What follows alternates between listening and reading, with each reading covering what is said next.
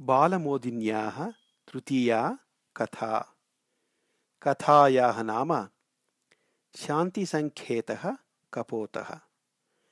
कथायाः लेखकः विवेकानन्दशर्मा मुम्बयीनगरतः मम नाम विनायकः, अहं कथां पठामि।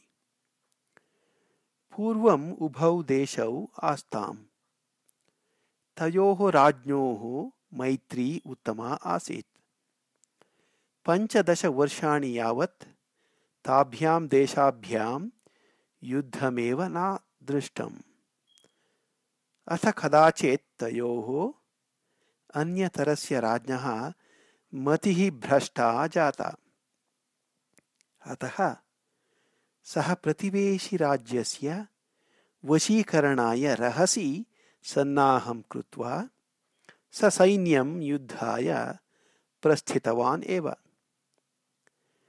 पञ्चदशवर्षाणि युद्धमेव न आसीत् इत्यतः अन्येन राज्ञा न ज्ञातम् आसीत् यत् शस्त्रास्त्रादीनि युद्धसाधनानि सैनिकवेषादीनि च कुत्र सन्ति इति अतः सः युद्धदिने प्रातः मातरम् अवदत्।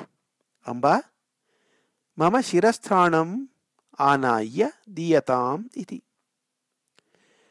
आयुधागारं प्रति स्वयं गता माता, अचिरातेव रिक्तहस्ततया प्रत्यागता। किमर्थं शिरस्त्राणं न आनीतम्? इति पृष्टं राज्ञा तदा माता अवदत् मया तत् आनेतुं न शक्यते इति किं तत् तावत् भारयुतं वर्तते एवं तर्हि अहमेव आनयामि इति उक्त्वा राजा शिरस्थानस्य आनयनाय स्वयं ततः प्रस्थितवान् तदा माता तं निवारयन्ती अवदत् वत्स तस्य भारविषयः मया न ज्ञायते। शिरस्त्राणे सन्ति कपोतस्य केचन सद्यो जाताः शिशवः। कपोताः शान्तिभङ्गं सर्वथा न इच्छन्ति।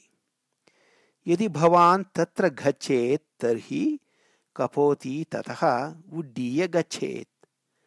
तदा कपोतशिशवः मरणं प्राप्नुयुः।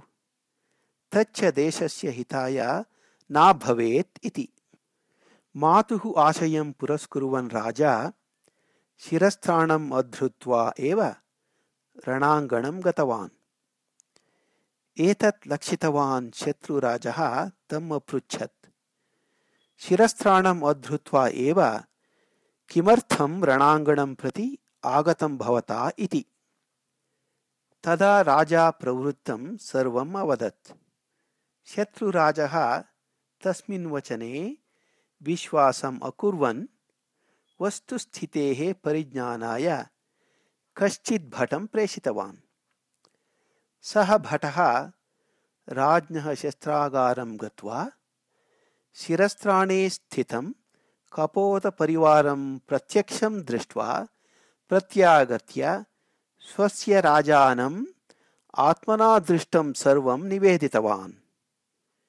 एतत् श्रुत्वा महत् आश्चर्यम् अनुभवन् शत्रुराजः।